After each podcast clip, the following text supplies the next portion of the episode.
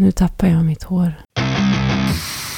Jag tänkte att det här avsnittet kommer heta Håret del 2. Men det skulle lika gärna kunna heta Sorg. Eller är det förvåning? Nej. Alltså den här saken. Att vara informerad och veta om vad som kommer hända. Men när det händer så är man ändå inte med på det. Det har ju varit... Så var det ju med själva cancerdiagnosen också. Men det här med biverkningar av cytostatika. Ja, det vi vet är att du kommer tappa håret vanligtvis mellan dag 7 och 14.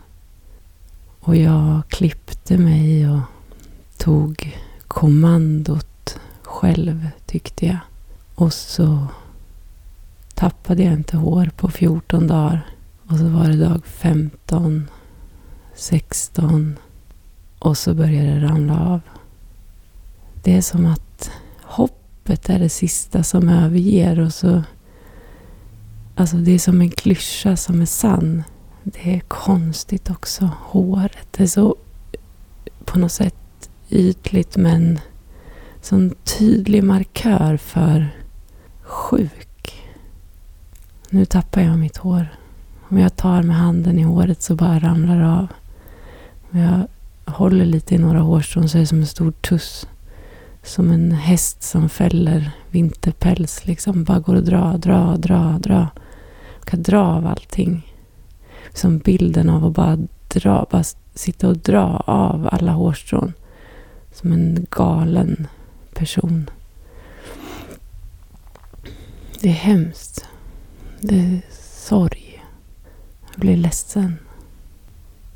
Det händer liksom. Nu händer det.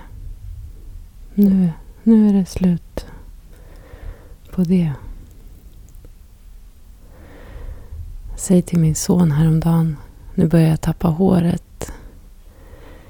Knyter han näven i en slags segergest och säger Yes!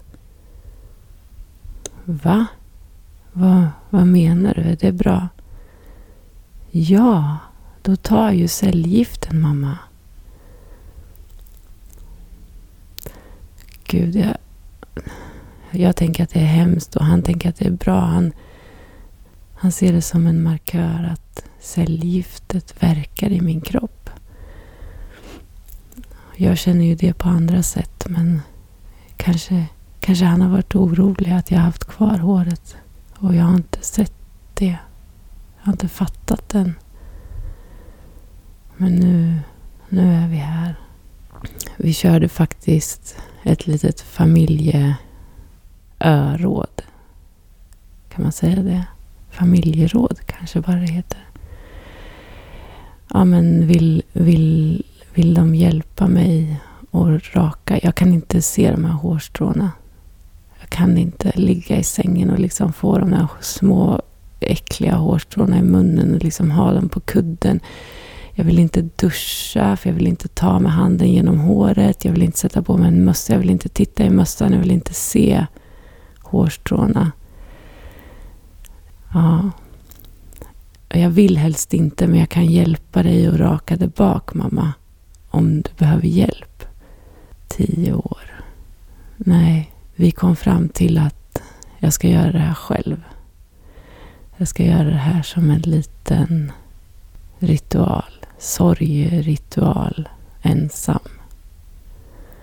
Så nu sitter trimmen på laddning och alldeles strax ska jag raka bort allt hår på huvudet.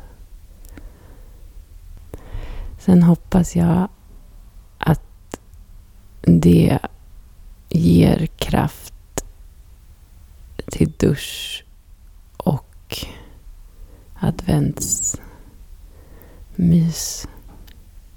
Kanske. Åh, oh, herregud gud vilket tålamodskrävande arbete. Att raka ett huvud är liksom ingenting man gör i en handvändning. Nu har jag stått länge och, och kämpat och kämpat med att få bort de där håren som jag egentligen skulle kunna dra ur dem med huvudet. Men nu har jag stått och dragit med den där trimmern fram och tillbaka, fram och tillbaka, fram och tillbaka. Ja, det var en upplevelse. Men nu så. Nu är det borta och jag ska ut på promenad. Och så får vi se.